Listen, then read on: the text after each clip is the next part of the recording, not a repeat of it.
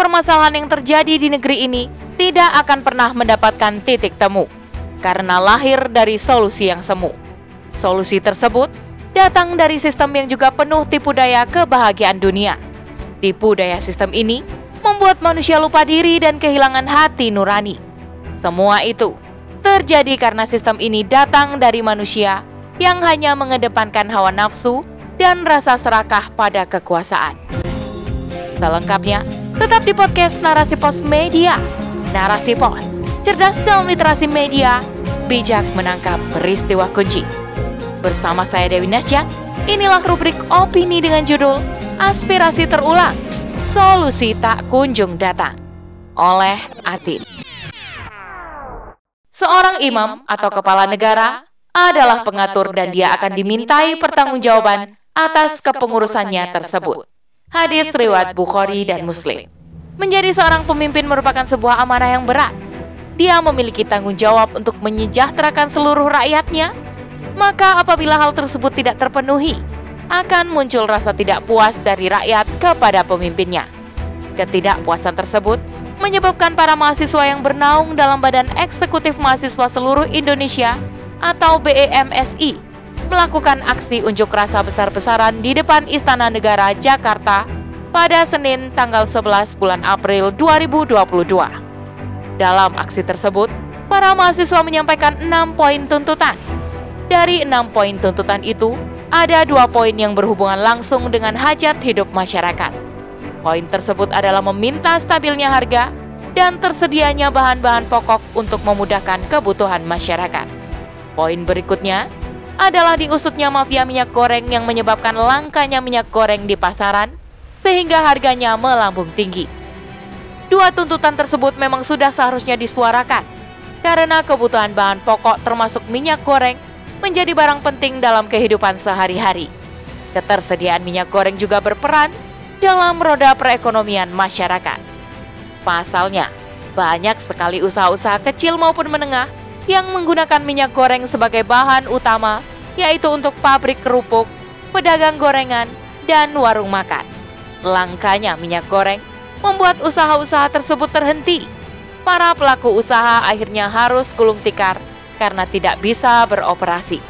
Tentu saja, hal tersebut membuat para pemilik usaha terpaksa melakukan PHK terhadap para pekerjanya.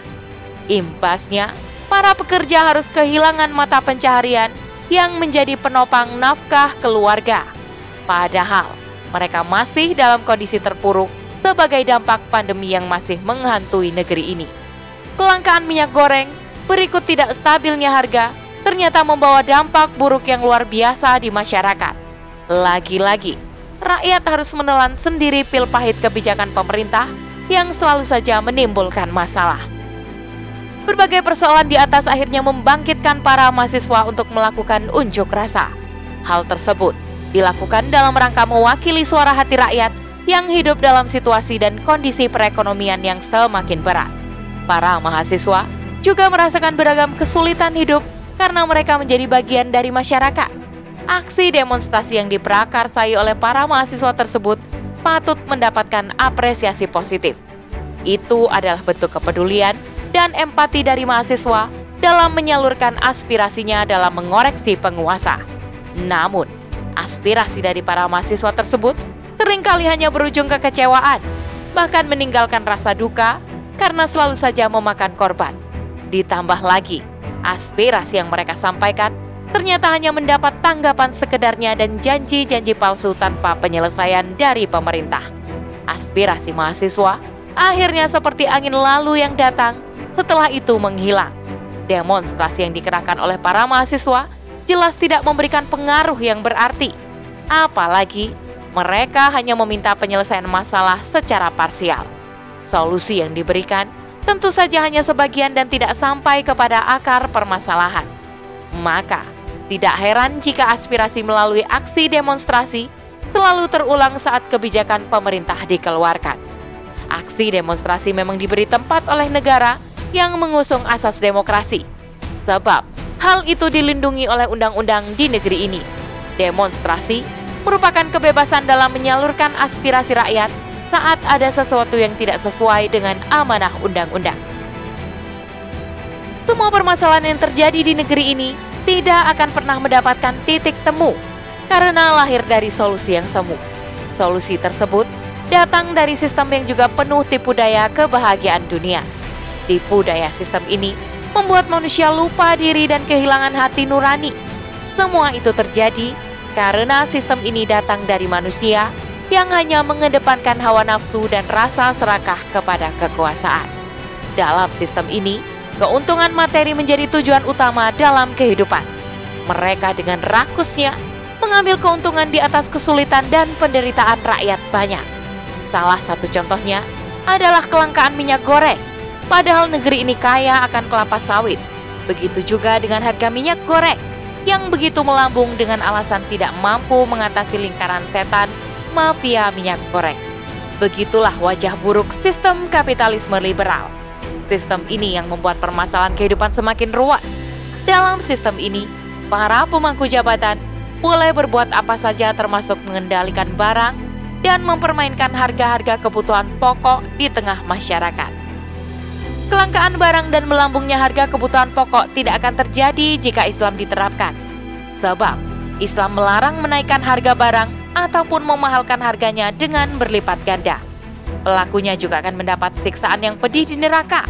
Hal itu telah Rasulullah sampaikan dalam sabda yang artinya, barang siapa melakukan intervensi mengenai harga pasar umat muslim, kemudian dia memahalkan harga atas umat muslim, maka pasti Allah melemparkan orang itu ke neraka jahanam dengan kepala di bawah. Negara dalam Islam juga akan membentuk karakter seorang pemimpin yang peka terhadap semua permasalahan dan kritik rakyatnya. Hal itu bisa diperoleh sikap Umar bin Khattab radhiyallahu an saat beliau diangkat sebagai seorang pemimpin. Umar bin Khattab adalah seorang pemimpin yang rendah hati dan memiliki ketakwaan yang luar biasa. Umar juga menyampaikan bahwa jabatan itu merupakan ujian. Umar berkata, Allah telah menguji kalian dengan saya dan menguji saya dengan kalian. Sepeninggal sahabatku yakni Abu Bakar Ashidik.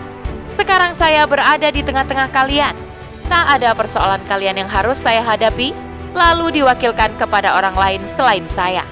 Dan tidak ada yang tidak hadir di sini, lalu meninggalkan perbuatan terpuji dan amanah. Kalau mereka berbuat baik, akan saya balas dengan kebaikan. Tetapi, kalau melakukan kejahatan, terimalah bencana yang akan saya timpakan kepada mereka. Umar juga meminta rakyatnya untuk tidak segan menegurnya apabila perbuatannya keliru. Umar bahkan meminta rakyatnya untuk tidak ragu menuntutnya jika rakyat tidak terhindar dari bencana, pasukan terperangkap oleh musuh. Umar berkata, "Bantulah saya dalam tugas menjalankan amar makruf nahi mungkar dan bekalilah saya dengan nasihat-nasihat saudara-saudara sehubungan dengan tugas yang dipercayakan Allah kepada saya demi kepentingan saudara-saudara sekalian. Begitulah sosok pemimpin atau imam dalam sistem Islam. Dia akan bersungguh-sungguh dalam menjalankan amanah dari Allah Subhanahu wa taala yang dipercayakan kepadanya. Ketakwaan seorang pemimpin memang telah diatur oleh sistem Islam Sistem yang datang dari Allah Subhanahu wa taala ini memang berisi aturan kehidupan termasuk aturan menjadi seorang pemimpin negara. Pemimpin dalam Islam juga terbuka terhadap masukan dan kritik dari rakyatnya dan berusaha untuk menyelesaikan masalah rakyatnya tanpa harus didemo lebih dahulu. Pemimpin seperti itulah yang dibutuhkan saat rakyat dalam kesulitan. Pemimpin yang mengambil Islam sebagai solusi dalam mengurusi dan memperhatikan rakyatnya hanya akan didapatkan apabila seluruh aturan Islam diterapkan. Tanpa penerapan Islam secara keseluruhan, jangan harap ada kesejahteraan apalagi solusi. Sebab solusi sesungguhnya adalah Islam itu sendiri. Tanpa solusi dari Islam, harapan dan perjuangan para mahasiswa untuk negeri ini tidak akan terwujud. Sekali lagi, hanya Islam solusi hakiki bagi kehidupan umat manusia untuk mendapatkan keberkahan dari Allah Subhanahu wa taala. Wallahu a'lam bisawab. Demikian rubrik opini kali ini. Sampai bertemu dalam rubrik opini selanjutnya. Saya Dewi Nasya undur diri. Assalamualaikum warahmatullahi wabarakatuh.